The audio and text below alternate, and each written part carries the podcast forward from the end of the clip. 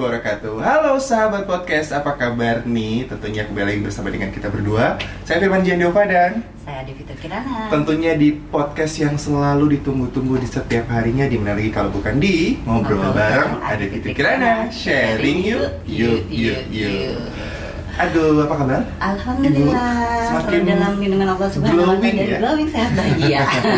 Seperti tagline kita ya Nah, hari ini kita sudah kedatangan bintang tamu yang Insya Allah Luar biasa banget. luar biasa banget Bukan insya Allah lagi, udah luar biasa Iya. banget. Iya kan? Insya Allah banyak manfaat. Betul banyak sekali Sangat banyak yang informasi yang pasti kita butuhkan. Betul Ya sekali, betul sekali. Beliau merupakan psikolog dan juga CEO dari Rumah Konseling dan Kursus Nikah. Hmm. Pagi ini kita sudah kedatangan ada Bapak Muhammad Iqbal. Assalamualaikum. Waalaikumsalam warahmatullahi Assalamualaikum Pak Iqbal, apa kabar? Baik, baik, Mah. Alhamdulillah. Alhamdulillah, terima kasih. Luar biasa saya masuk tadi luar biasa nih. Semua glowing semua lah. Temboknya pun glowing ya. Betul, ada Mudah-mudahan tembok semuanya auranya juga glowing. Iya, benar, benar, benar. Terima kasih atas kehadirannya Baik, sudah punya waktu di sela kesibukan yang super Betul. padat. Betul. Akhirnya Bapak berkenan untuk mampir di ngobrol bareng Ade Fitri Kirana. Mantap. Ini pertanyaan yang tidak pernah ditanyakan sebelumnya. Sebenarnya apa sih Pak? Ya, sekarang alhamdulillah baru saja dilantik dua bulan ya sebagai ketua sekolah tinggi ilmu ekonomi. Masya Allah. Ya, sebelumnya saya dekan psikologi di Hmm. Universitas Mercu Buana. Masya Allah, Alhamdulillah. Selamat ya Pak. Terima kasih. Selamat, Pak. Semakin bisa Jadi psikolog yang jadi ketua sekolah tinggi ilmu ekonomi. itu, itu gimana itu luar biasa banget udah psikolog Luar terus biasa. ilmu ekonomi ilmu dunia akhiratnya juga dapat masya Iya, Allah betul, betul, betul, betul. Nah nih Pak Iqbal sesuai dengan tema kita hari ini adalah Be Great Parent for Our Next Generation. Mm-mm. Pak Iqbal nih sebagai seorang psikolog dan konselor keluarga, Iya. Bagaimana tanggapan Bapak tentang penerapan ilmu parenting nih di sekitar kita saat ini? Nah ini jadi masalah Mbak Dia. Ya, karena apa? Karena banyak sekali orang menerapkan pengasuhan seperti apa yang dilakukan orang tuanya dulu. iya Hmm. betul, Padahal betul. kebanyakan itu toksik, ngancem, nyubit, mukul, teriak, beda era ya Pak beda era, dulu ngontrol. kayaknya udah otoriter Bener. harus Du- satu arah Dia menggambarkan, gue dengan begini gue sukses kok. Hmm. Iya. Padahal anak-anak sekarang itu berbeda zamannya. iya iya Nah ini menjadi banyak eh, kasus-kasus toxic parenting yang kami tangani. Apa itu toxic? Misalnya toxic eh, kekerasan Hmm. dengan emosi, marah. Betul. Kemudian banyak juga orang tua yang mengekang. Jadi kami itu kalau udah ke- kenaikan kelas 2, 3 SMA itu, Hmm. itu banyak anak-anak yang WA telepon, Pak tolong, karena saya dipaksa harus masuk IPA. Ya. karena ibu saya menganggap IPS itu bodoh. Ya Allah. Iya, iya. saya tersinggung loh orang IPS ini Ini terjadi. iya ya terjadi Jadi memaksakan. Ada bapaknya pengen masuk tentara, nggak berhasil, anaknya dipaksa Harus. harus jadi tentara. Ya. Itu terjadi. Itu yang mengakibatkan anak jadi sekarang juga secara psikologinya dia terganggu Betul. Dari 87% survei, ya jadi di sebuah lembaga 87% tuh anak-anak itu ternyata ketika kuliah salah pilih jurusan. karena Karena dipaksa. push ya dari orang tua Bisa di- karena dipaksa, bisa jadi karena tadi kurangnya pengetahuan tentang masa depan, tentang karir. Hanya mendengar satu orang tua. Saya sampai tagline begini loh. Seandainya semua anak ngikutin kata orang tuanya, pasti semua anak jadi ASN. ASN bagus, mulia, tapi siapa yang jadi pengusahanya? Iya, siapa yang jadi. Aduh. tentaranya? Siapa siapa siapa yang jadi dosennya? Siapa yang Iya, jadi iya. mubaliknya? Ah, semua dokter dokter semua Iya, gitu ya benar, Aduh, benar. ya. Karena orang tua kan zaman dulu prak, em, pragmatis saja, yang Betul, penting betul. ASN kerjanya mudah, eh, pakai seragam gitu kan, pokoknya pasti gitu katanya pasti pasti aja yang pasti-pasti gitu. aja. Artinya harus ada komunikasi dialog. Iya. Apalagi di daerah-daerah pasti ASN itu favorit. Tapi bukan hanya itu saja yang bagus. Betul. Ada banyak pekerjaan lain. Itu Betul. bagus, tapi yang pekerjaan lain juga bagus. betul Swasta, berwirausaha. betul betul betul tuh Fir Masya Allah, padahal ini udah eranya terbuka Iya. Benar. di mana kita dengan mudah mendapatkan informasi. Masih juga banyak kasus Banyak. seperti ini. Makanya perlu ada mediator seperti kami. Konselor yang memberikan edukasi ke orang tua. Kami sering diundang ke sekolah-sekolah sebagai tokoh karir ya. Iya. Karena saya pengalaman pribadi, saya juga dulu dipaksa masuk, bukan dipaksa, disuruh lah ya. Hmm. Karena orang tua saya ASN, tapi kami sedikit membangkang gitu ya. Akhirnya bisa buat usaha sendiri. Oh, oke. Saya bisa kuliah eh, dari S2 S3 dapat beasiswa Hmm, Masya di luar negeri gitu dan itu semuanya berpetualang. Tinggal tujuh Iya. tahun saya di Malaysia. Hmm. Ya, dengan kemandirian kerja jadi tukang angkat jadi pelayan gitu ya tapi semuanya itu akan berbuah hasil kalau kita Yes.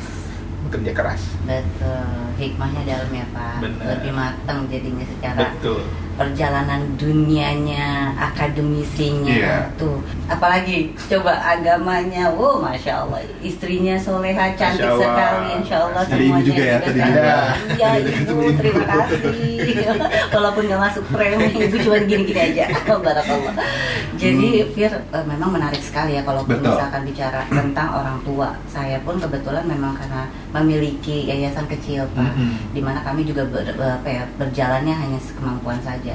Sering sekali mendapatkan aduan-aduan bahwa gimana menanggapi cara orang tua ini kalau yang maksanya kayak apa terus dibilang anak durhaka. Betul. Kamu tuh harus nurut ya. Iya. Orang tua tuh makan nasi Iya. garam. Iya, iya, iya, Selalu mohon maaf lahir batin nih. Saya juga sebagai orang tua soalnya. Cuman memang ini jadi dilema, dilema pada Betul. saat kita memaksakan sesuai dengan apa idealisnya dia di benak kita, maka anak ini tidak di dikesampingkan perasaannya Betul. Iya. gitu. Bahkan ya tidak luput mungkin dimatikan keinginan-keinginan besarnya. Mm-mm. Dan ini belum tentu benar. Betul. Jadi gini Mbak Di, jadi sebenarnya banyak orang tua tuh niatnya baik betul. Misalnya contoh ke agama ya, ke agama, agama ibadah, oke. Tapi soal karir, Hmm. karena ada sekarang ini profesi-profesi yang nggak ada kerjaan di zaman dulu. Iya, betul. Youtuber itu zaman dulu nggak ada. Nggak ada, nggak ada, nggak ada, nggak ada. Desain desain grafis itu nggak ada zaman Nggak dulu. ada, nggak ada. Nah, kemudian entertain, kemudian jualan online, ya, yang itu eh, orang tua udah pasti di sana kalah dalam soal eh, edukasi tentang bagaimana memanfaatkan digitalisasi. Hmm, hmm. Nah, tapi kan paradigmanya pokoknya harus ada seragamnya. Kerja itu harus Betul, betul. Kalau Itu nggak saya seragam rasakan. gitu. Kalau nggak ada seragamnya itu kayaknya gimana ya? Makanya kalau merit kan orang pakai seragam. Iya, Betul, iya, iya, iya, iya. Benar, benar, benar. Nah, ini juga ada be- pertanyaan ini tuh. Pak Iqbal juga buat Teteh sebagai orang tua nih ya. Sebagai orang tua, bagaimana menerapkan ilmu yang sudah didapatkan selama ini terhadap anak-anak nih? Ya, kalau saya sekarang membuat mereka bahagia, tuh, relax. Artinya kita punya agenda. Hmm. Yang terpenting sebenarnya dari pendidikan itu apa? Keteladanan. Iya. Kita banyak ngomong berusaha-berusaha, kamu jangan marah-marah, tapi sambil marah-marah. Iya. Yang nyontoin ya. kamu harus lemah lembut sambil nyubit tapi. Biru gitu ya. Jadi eh, anak-anak itu kalau melihat kita baik, dia nurut, ngikut dia. Nah yang terjadi sekarang kenapa banyak anak membangkang? Karena anak ini tahu siapa sebenarnya orang tuanya. Ah, Oke. Datang tamu datang, Assalamualaikum, bilang ayah nggak ada. Padahal baru aja nga- ngajarin jujur. Suruh bohong. Pokoknya kamu boleh bohong, tapi bilang aja. Demikian ya. juga, eh, eh, mohon maaf lagi rame lah yang putus, bapak-bapak yang selingkuh, anaknya tahu. Waduh, ngeri. Kemarin ada kasus, ini kisah nyata mbak dia. Anaknya belajar belajar online, minjem HP bapaknya. Tiba-tiba masuk chat sayang-sayangan, ternyata bapaknya selingkuh. Langsung bapak, i- anaknya depresi, mau bunuh diri, stres malu. Padahal ayahnya itu yang dibangga-banggakan selama ini. Hmm. Jadi menurut saya mendidik anak sekarang itu ya rileks. Seandainya kita punya salah kasih tahu ayah juga manusia kok. Ya. Kita juga punya uh, masalah. Kekurangan. Kita punya kekurangan. Jadi jangan jangan jadi orang tua macam betul. Nah ini Hmm. kalau bahasa Medannya Betul. macam Iya, betul. betul, betul. Macam betul aja. Udahlah kita sama-sama punya masalah. Kasih tahu kalau orang tua lagi ada masalah kasih tahu ayah bunda dalam pernikahan itu pasti ada masalah. Tapi biasa nanti diselesaikan. Kita ingin selama ini banyak orang tua itu saya lihat mendidik anak yang steril buat dia. Jangan main sama anak kampung, padahal dia orang kampung juga dulunya. Jangan main hujan nanti sakit. Akhirnya dia tuh kayak kristal. Iya, iya. Kristal tuh indah, tapi begitu kesenggol hancur. Ya, Iya, iya. betul. Nah, Fragile. harusnya anak kampung itu menguatkan dia. Anak terminal dia harus tahu, angkot dia enggak naik, jangan naik sepeda nanti jatuh, jangan naik ojek nanti tabrakan, nanti diculik. Jadi naik apa dia? Ke mana-mana diantar. Akhirnya dia tidak kuat, dia rapuh, Hmm. nggak fondasinya nggak kuat. Iya, iya. Saya sepakat dengan tadi Pak Iqbal eh, sampaikan. Saya pribadi mungkin hanya ingin menambahkan bahwa lebih terbuka aja karena anak juga betul tadi dia akan menilai orang tuanya patut dicontoh atau tidak. Ya. Pada saat kita ingin menyontohkan hal-hal baik, ya berbuat baik dulu. Betul. Kalau anak tidak ingin berbohong ya jangan juga mengajarkan hal-hal yang Bohong. harus berbohong. Terus udah gitu kalau memang kita di era digital ini banyak kekurangan gaptek dalam tanda kutip ini, ya akui saja karena mereka akan lebih menerima dan akhirnya Betul. mereka senang diajak Ya. seperti teman. Mana belajar aja minta Belajarnya mama ini bareng-bareng. dong. Iya gitu, belajar bareng-bareng anak saya gitu. Jadi eh, kalaupun misalkan ada apalagi materi-materi sekolah sekarang sangat Betul. berbeda dengan zamannya saya. Betul. Kok perasaan tua banget ya. Lebih susah ya? dulu, iya, dulu agak sedikit lebih mudah tapi sekarang kepakainya Lebih sulit ya. iya complicated banget padahal jawabannya sebenarnya Sama. sama, Benar, tapi benar. tidak ada tidak ada salahnya kita sebagai orang tua ya duduk bareng bersama apa ya perlakukan mereka sebagai teman jadi akhirnya lebih relax gitu kan Betul. mereka juga nerimanya lebih enak Fir gitu karena nggak suka Iya. diguruin zamannya bukan udah kolonial lagi gitu loh dulu kan kolonial satu arah Jadi ya ada kan? satu poin menurut saya yang penting kenapa anak itu melawan? Karena satu, dia tidak dihargai. Nah, itu dia Jadi seburuk-buruknya orang, tapi kalau dia di- dijadikan tersangka itu pasti melawan. Hmm. Jadi kata kunci ingin anak bahagia itu dihargai dia. Jadi kalau marahin jangan depan umum. Kalau ngingetin dia ajak ke jalan berdua. Betul. Tetap dia dimanusiakan di gitu. Ini kadang kurang kurang disadari lah ya. Nah, kadang orang udah merasa benar aja sih Hmm. ya Gua kan melahirkan kamu, kamu harus nurut. Iya, gue kan lebih tua gitu, biasa gitu ya. Bahkan ada yang ngomong gini, hewan aja dikasih makan nurut, kamu kok enggak? Gitu, Iya, itu lebih gitu. parah lagi. kenapa ya pak Ya karena mungkin zaman dulu dia udah gituin dia sukses. iya sih Tapi zaman sekarang beda. betul betul tapi ya kembali lagi sih memang di samping semua kesadaran itu juga harus muncul dari kedua belah pihak Hmm. dan alangkah baiknya ya itu dia kita punya keimanan karena sulit kadang-kadang kita dibenturkan dengan eh, agama pak Betul. pada saat kita mau berdebat dibilanglah kita anak durhaka Hmm. dibilanglah ini nggak menghargain kamu tuh nggak tahu ada bla bla bla Membangkang. nah Iya. mohon maaf nih jadi memang harus ada keterbukaan open minded kedua belah pihak antara anak dengan orang tua sehingga ya bicaranya juga enak Betul. tidak selalu melulu anak yang disalahkan atau orang tua yang disalahkan betul nggak sih pak ada Betul. seseorang bicara bahwa dosa juga bisa datang dari orang tua loh Bisa, gitu bisa. bukan hanya dari anak Bisa. Ya contoh misalnya kita kalau jadi gini banyak orang hanya menjalankan ritual agama, sholat, puasa, tapi tidak menjalankan ajaran agama. Iya. Pada ajaran agama itu apa? Sabar, lemah lembut, sopan santun, memaafkan. betul Nabi itu Walaupun lagi sholat, ya. cucu anaknya naik dia diam aja dia tunggu gitu sampai Hasan Husain itu cucunya turun turun gitu loh. Itu "Oh, apa sih kamu? Nggak memahami psikologi Iya, iya. anaknya. Nabi Muhammad SAW itu luar biasa. Ada ada Adil Fitri, ada anak nangis. Kenapa? Ayah ibuku meninggal. Udah, kamu jadi anakku sekarang hari ini aku ayah. Luar biasa gitu kisah-kisah Nabi Muhammad. Bagaimana lemah lembut. Kita nengok anak yatim gitu, oh kamu minta-minta kerja dong gitu. Padahal Nabi mengajarkan bagaimana kita menyayangi anak yatim, menyayangi orang miskin. Hmm. Jadi ini adalah ajaran agama yang harus kita amalkan. Tapi bagaimana menyikapi sekarang semakin maraknya orang-orang yang dimudahkan untuk minta-minta dan mendapatkan uang sehingga mereka juga jadi malas nah ini Betul. saya hadapi nih Nah ini juga sekarang bahasa juga tiap pagi WA masuk tuh santunan ini ini gitu, dengan mudahnya ya itu jadi modus jadi mudah kejahatan. Hmm. Tetapi makanya kalau kita punya uang mendingan kita cari langsung kepada fakir miskinnya.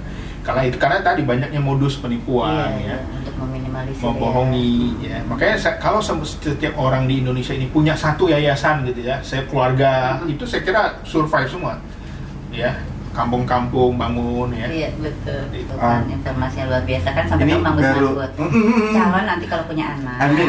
jadi pengetahuannya Udah tahu ya, udah paham nih sebelum Dapat menikah. konsultasi gratis. gratis nanti pranikah boleh lah Boleh, boleh, boleh. Oh, udah dicatat nih ya. Pak Iko udah dicatat dari sekarang saya pranikah gratis nih.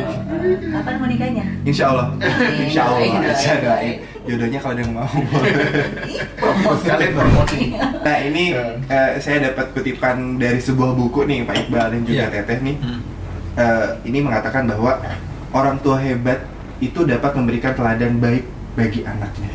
Itu gimana nih tanggapan dari Pak Iqbal dan juga Teteh sebagai orang tua? ya jadi memang tadi kata kuncinya adalah eh, respect jadi kalau an- orang tuh anak sudah tidak respect sama orang tuanya dia itu gimana kayak kita punya kita jadi atasan anak buah kita tuh tahu kelakuan kita dia tuh nggak nurut mungkin di depan kita aja Iya. Tapi kalau dia melihat, oh bapak ini baik banget, peduli, hormat, dia tuh akan siap. Karena ada teorinya begini, loyalitas itu berbanding lurus sama royalitas. Ya. Hmm, betul, Tidak mungkin seorang pemimpin dapat anak buah yang loyal kalau dia nggak royal. betul. Demikian juga orang tua dan anak. Ya. Tapi royal itu tidak hanya materi sebenarnya. Contoh memuji, Hmm. mengapresiasi. Nah terkadang orang tua ketemu anak nyari salahnya dulu. Kamu Iya. kenapa begini? Kenapa begitu? Ya. Akhirnya Dia menjauh, dia menjauh. Harusnya ketemu datang, mantap, jos, keren. Ya kan dia mendekat karena ada pujian. Nah orang-orang yang jarang dipuji ini akhirnya mencari di luar. Muncullah tadi gila likes, ya kan? Muncul kepribadian-kepribadian yang seolah-olah ingin tampil. Kenapa di rumahnya dia tidak pernah diapresiasi? Hmm, betul, memang kalau anak tidak diapresiasi dan tidak dihargai, tidak dimanusiakan, anak Tapi jangan terlalu juga karena ada juga kepribadian narsistik yang karena terlalu dipuji-puji. Oh, Betul. iya. Jadi harus balance memang harus ya, Pak, ya, harus balance. Ya marah itu boleh, tapi pada tempatnya, tidak dengan fisik, Hmm. tidak dengan emosi, tapi marah di saat yang tepat. Panggil, Iya. berdua, Betul. diajak ngomong sambil jalan. Betul. Sepakat nggak sih kalau misalkan kita lebih memilih respect dibandingkan orang takut? Ya benar. betul Iya kan? betul, betul. Karena ya tadi orang bakalan loyal, orang bakalan lebih Iya. di belakang kita pun akan tetap melakukan hal yang Benar. sesuai dengan ucapan di depan kita. Termasuk suami istri. Iya. Buat jadi kalau suami suaminya itu respect, istri itu respect, sama suami itu insya Allah nurut dia. Hormat ya, tapi kalau suaminya itu bohong terus, kasar, Udahlah tinggalin aja ya. Iya, iya, iya. kok curhat gitu. Tapi ini memang jadi blunder sih kalau misalkan memang kita tuh banyak juga trauma yang didatangkan dari orang tua ya. Benar. Nah ini jadi akhirnya jadi kayak bola api menggulung Betul. di situ. Betul. Karena itu juga saya alami kebetulan. Kegagalan dari mohon maaf eh, orang tua sekeliling kita bahkan pada saat kita besar pun kita dikelilingi dengan teman-teman dan kasus-kasus yang kita harus mendengar kita harus tangani apa segala macam atau bahkan jadi akhirnya jadi kayak mirroring Iya, nah itu gimana tuh ya? Ya tapi begini, ini ini saya sedikit analisis saya dalam. Jadi sebenarnya ada banyak orang yang kecilnya tuh di abuse, toxic lah. Hmm. Tapi bisa hidup sehat, normal. Satu hari datang orang ke saya, baik bah ketemu dong, nggak bisa lagi kopi, maksa dia. Kenapa saya ini diusir istri saya? Karena saya gagal bisnis. Ini pasti gara-gara waktu kecil saya dipukuli bapak saya. Saya bilang enggak. Hmm. Iya pak, enggak. Iya enggak. Akhirnya Jadi saya biarin. Habis subuh dia WA lagi, Pak sebenarnya itu saya pernah sukses Pak. Ditunjukin foto-foto dia ngasih CS sama mobil, mau masuk koran, dia Hmm. pengusaha sukses. Ternyata bangkrut kena tipu lima tahun yang lalu. Hmm. Nah artinya apa? Masa lalu itu adalah pembenaran atas kegagalan kita masa kini. Hmm. Karena masa lalu itu pasif. Jadi Iya. ketika gue gagal, gue cari aja masa lalu. Akhirnya gue ini bahagia karena masa lalu gue tuh Ah. eh, nggak nggak jujur. Nah orang pintar tuh kadang-kadang paling mudah mencari masa lalu. dan orang senang tinggal di masa lalu Iya, daripada karena- masa sekarang. Karena manusia itu kan diajarkan untuk memaafkan, agama hadir. Ya. Harusnya tidak dijadikan masa lalu itu sebagai pembenaran Pembenaran. atas kegagalan kita. Begitu, Pak. Iya benar benar benar benar. Tapi keluar dari situ, uh, self talknya wah, harus. Ya karena kita kan memaafkan ya. Tadi penting ini tentang berlapang dada. betul. Jadi sebenarnya dipuji, eh, dihina, dizolimi, disakiti itu dapat pahala sebenarnya. Iya. Bukan dapat dosa. Kenapa kita harus menangis? Nah, saya kalau ada orang nggak suka sama saya, alhamdulillah pahala saya bertambah hari ini. Hmm, hmm, hmm. apalagi difitnah gitu Iya, ya. tidak ada masalah yang besar dalam hidup. Yang ada hati kita yang sempit. Ya. Itu aja. Masya Allah, Luar dapat lagi kata-kata Tidak ada masalah yang besar dalam hidup Namun hati kita lah yang sempit Tuh Padahal kita nggak- tidak pernah menyadari itu ya teh sebenarnya. Gitu. Nah nih eh, Pak Iqbal teteh, Hmm. ini kan kita dihadapkan dengan kembalinya ada kasus Omikron nih, Oke. ya kan udah naiknya lagi Omikron, kasus Covidnya juga mulai naik lagi nih. Ini bagaimana tanggapan Pak Iqbal dan juga teteh mengenai anak-anak yang kembali sekolah online Sekolah online Iya. gara-gara Covid ini nih? Ya ini kan perlu adaptasi ya lagi. Awalnya mereka sudah tatap muka, harus offline lagi. Tapi sebenarnya di mana ada kesulitan, di situ ada kekuatan. Hmm. di situ adaptasi. Ya. Memang kunta, kata kunci sukses kita menghadapi Omikron apa? Berdamai Benar dengan segala Iya, situasi. Betul, Betul, betul, betul. Akhirnya mengajarkan kita harus fleksibel. Kalaupun satu saat ada gempa bumi, ada bencana, ada perang, siap. Hmm, Itulah memang tugas manusia untuk siap menghadapi segala ujian. Betul Karena dalam Al-Quran sendiri sudah dijelaskan bahwa kita kan diuji hidup Betul, ini. betul. Kekurangan makan, kesulitan. Kecemasan Nah selama ini kita mengajarkan anak kita itu seolah dunia ini indah semuanya. Itu yang bahaya. Hmm. Dia harus siap menghadapi. Ya, mak- makanya bully itu adalah bagian dari ke- kejahatan yang tidak dilakukan, tetapi tanpa disadari dengan bully itu juga menguatkan orang. Demikian juga Omikron ini, ya ini bahaya mematikan, tetapi dia bisa juga menguatkan kita. Makanya kita harus tugas manusia itu adalah berdoa, berusaha. Berusaha. Kalau sudah berdoa, berusaha, maka berdoa, berserah diri pada Allah. Bismillahirrahmanirrahim. Allah, la haula wala quwata illa billah. Itu doa mau keluar rumah. Iya. berserah diri. Betul, betul. Karena kalau nggak lillahi ta'ala stres Serius. Cuman memang betul ya challenging. Ini juga buat teman-teman saya yang baru curhat tadi malam sampai pagi. Oh, gue stres banget anak gue. Banyak banget PR gue yang ngerjain bla bla bla, bla, gitu. Iya, jadi karena- jadi orang tuanya yang Iya. sekolah Iya. jadinya kan sebenarnya. Itu banyak hikmahnya. Maksud saya tuh dengan kita sekolah online, dengan kita harus ada pandemi, Allah itu memperbanyak kita untuk lebih mendekatkan diri secara ibadah, Betul. ya, dengan quality time bersama anak, gitu. Bahkan ya kalian juga harus belajar lagi. Karena hidup tuh pakai belajar. Betul. anak kesulitan ya udah jadi amalan baik buat lu. Jadi nggak usah ngeluh. Karena semakin kita ngeluh akan semakin berat dan bahkan bukannya memperindah ataupun meringankan apa ya suasana menyenangkan. Enggak gitu. Get nothing kalau buat aku jadi alhamdulillah anak-anak aku juga orang yang mandiri karena mereka melihat aku struggle dalam hidup juga sendiri. Dan akhirnya mereka tahu apa yang eh, mereka harus selesaikan. Di dalam era pandemi memang mereka juga stres karena banyak keterbatasan. Dia nggak biasa dan harus dipaksakan untuk terbiasa dengan eh, kondisi saat ini. Iya. namun kembali lagi saling menguatkan dan tetap positif seperti Kak Iqbal tadi easy going take it easy Iya. Bener nggak let it flow jadi Iya, akhirnya iya, senang santai-santai aja. gitu. Ya ini juga jadi momen bukannya buat orang tua dan anaknya bisa lebih dekat gara-gara si Benar. Jadi gini ini. banyak orang tua itu selalu berorientasi kepada akademik pribadi. Mhm, Nilai, raport itu bagus, tapi harus seimbang dengan mental, mhm, dengan mhm. spiritual. betul betul Jadi ada satu kasus seorang ibu menangis ke saya, Pak, saya itu anak saya ternyata ya dia melakukan kejahatan Pak, ya. Dia sedih. Kenapa? Kenapa saya sejak kecil saya lupa dengan agama. Hmm, Anak saya ini kecil ranking Pak, saya puji-puji terus. Tapi saya lupa mendidik agama. Hmm. Begitu dia besar, dia bilang apa? Saya nggak mau merit, saya penyuka sejenis. itu orang tua yang nangis.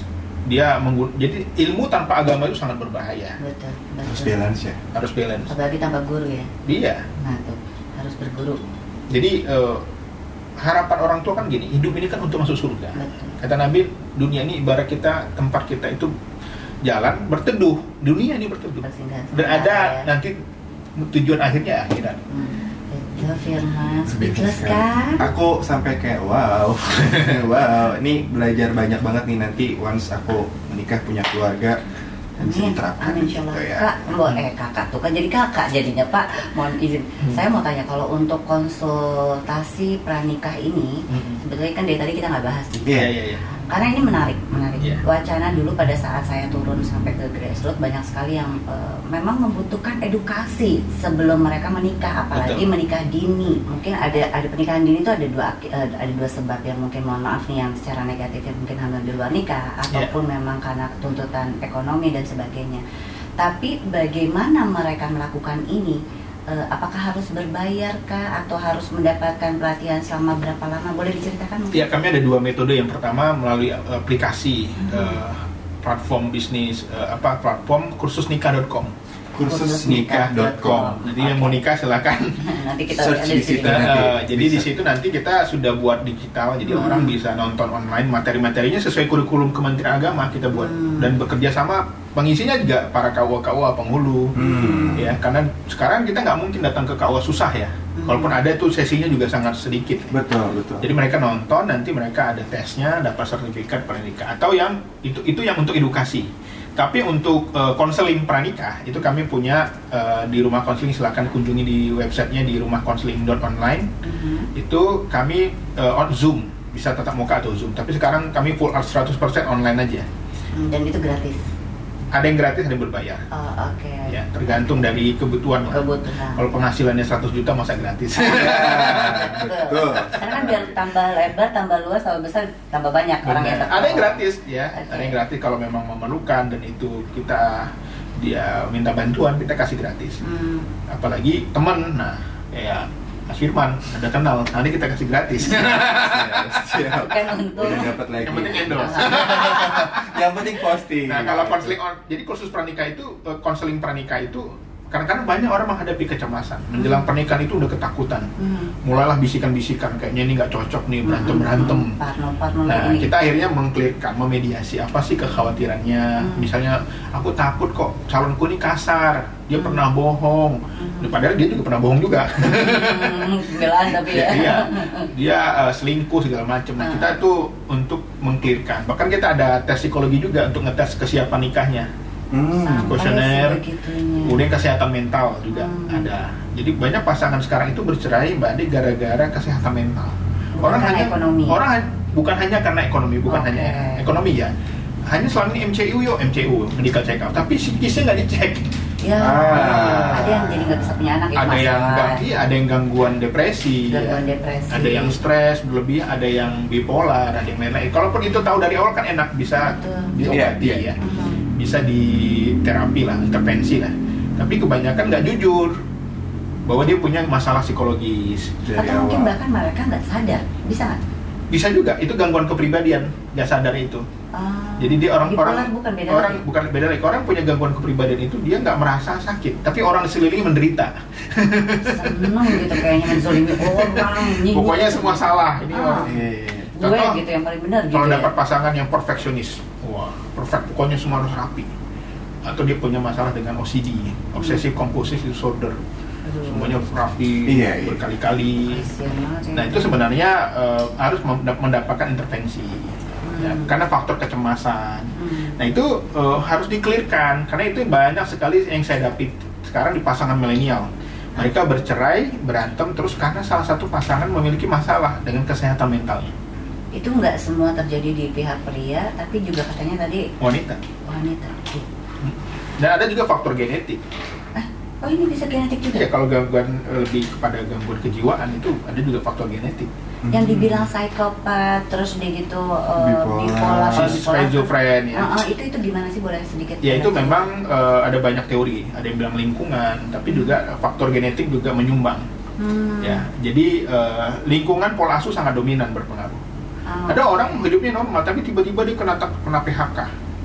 Wah itu down, berat depresinya. Ternyata setelah kita lihat-lihat ujung-ujungnya oh ada nih keturunan keluarganya yang memiliki masalah kejiwaan juga. Hmm. Gitu. Jadi eh, banyak faktor kalau dan bicara. itu pengobatannya harus eh, tergantung case kalau ya? mau holistik bisa, jadi ada pendekatan farmakologis dirujuk ke psikiatris, nanti psikiatris akan memberikan obat ya untuk menenangkan. Biasanya mereka sulit sulit tidur, overthinking gitu ya, Hmm. kecemasan diturunkan. Kemudian nanti juga ada konseling ya. Hmm. Bahkan ada juga pendekatan neo- neuropsikologi itu juga banyak teman-teman kita yang sekarang mengembangkan neuroscience ya. Ah, Yang mengatakan bahwa orang-orang yang memiliki kecemasan itu juga faktor ada sarafnya betul. itu juga eh, ada ahlinya. Jadi hipnotis holistik lah kalau gitu ya. mau. Hmm. Eh, ini apa nama hipnoterapi lain lagi. Hipnoterapi, ah. Dia ada yang pendekatan eh, medical, ada juga harus holistik lah menurut Oh. Oke, oke, oke. Seperti itu.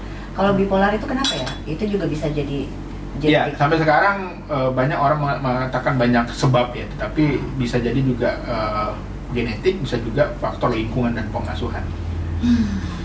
Kasihan ya. Tapi insya Allah semuanya dalam kondisi sehat walafiat secara lahir juga batin ya. Nah, sebelum ke pertanyaan terakhir nih, seberapa penting sih eh, Pak mengenai konsultasi pernikahan sebelum kita menikah? Karena banyak sekali nih anak-anak yang kayak Ini nggak karena kan sih memang ya. terjun di dunia Iya. bisnis untuk perweddingan nih Pak. Jadi Iya. kayak banyak yang calon-calonnya yang kayak udahlah nggak usah gitu. Konseling Mhm. pernikahan udah nggak usah gitu. Ya tadi karena udah ngebet ya. Antara ngebet sampai nggak mau tahu juga Iya, gitu iya, ya. iya, iya. ya karena tadi ada faktor malu. Ada banyak orang yang bercerai dari saya, dia bilang Pak sebenarnya kami udah mau gagal itu kan karena udah malu, undangan udah disebar.